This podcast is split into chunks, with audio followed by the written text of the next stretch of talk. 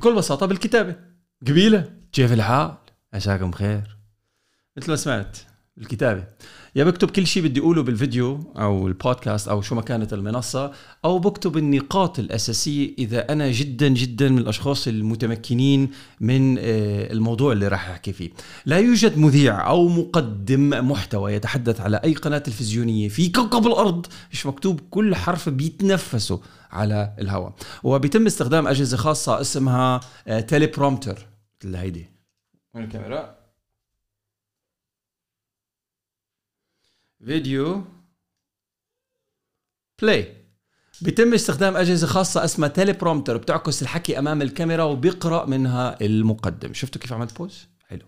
طبعا مع الممارسة والتدريب بتصير تقرأ كأنك عم تحكي حكي واللي هو التلوين اللي ذكرناه في السابق والفواصل والنقاط وال pauses والتنفسات وهدول الشغلات الجميلة. هلأ في حال المقدمين البرامج اللي على التلفزيون في عندك بدل المعد عشرة أو في بعض الحالات عشرات والمقدم الشاطر بيشارك في الإعداد ولكن في كل الحالات الشاطرين كانوا أو لا لازم تحضر.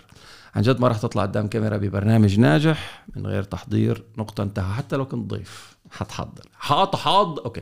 في حالة الإعلام الحديث واللي نحن عم نشتغل عليه واللي هو بوجهة نظري المتواضعة أهم حبتين يوميا حاليا انيا من الإعلام التقليدي. أنت رح تكون كل شيء. أنت اللي رح تعد أنت اللي رح تصور أنت اللي رح تمنتج أنت اللي رح تسوق ول ول ول ول ول ول, ول. يعني بالأخير حضر. أها. والتحضير طبعا بيجي بالكتابة والقراءة.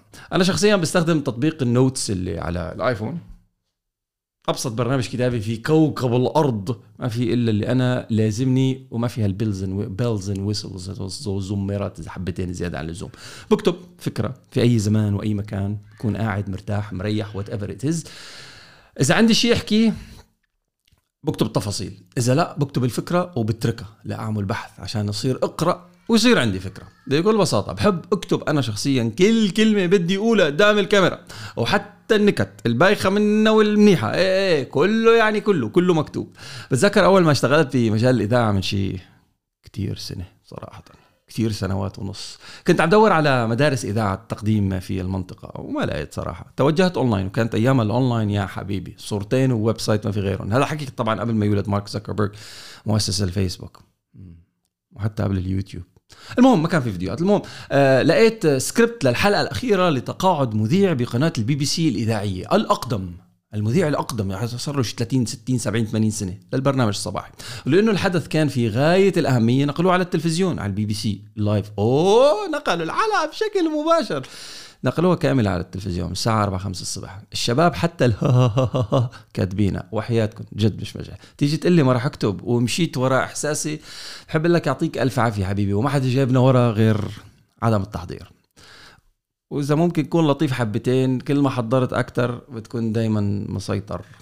كويسه اكتب وبعدين اقرأ كل شيء كتبته وارجع اكتب وعدل وارجع اقرأ وإذا في بداياتك سجل على الموبايل وتفرج. بعين الناقد. انقد حالك بس ما تكسر بحالك. اتفقنا؟ اتفقنا أنا وياك إنه ما راح تزبط من أول ألف فيديو. فأول فيديو عادي يكون نص نص ثاني فيديو عادي يكون نص نص إلا نص وهكذا وهكذا وهكذا وهكذا حتى بالأخير تزبط. تفرج على الفيديو أنت ورفقاتك وأهلك وأحبابك. you know ما تفرجي لحدا تفرج أنت عليه مرة واثنين وثلاثة وأربعة لننتقل للعقده اللي بعدها اللي راح نفكها بالفيديو الجاي واللي هي عقدة ال واللي هي عقدة الكمال. أنا بيرفكشنست حبيباتي مثالي. مثالي بس؟ مثالي.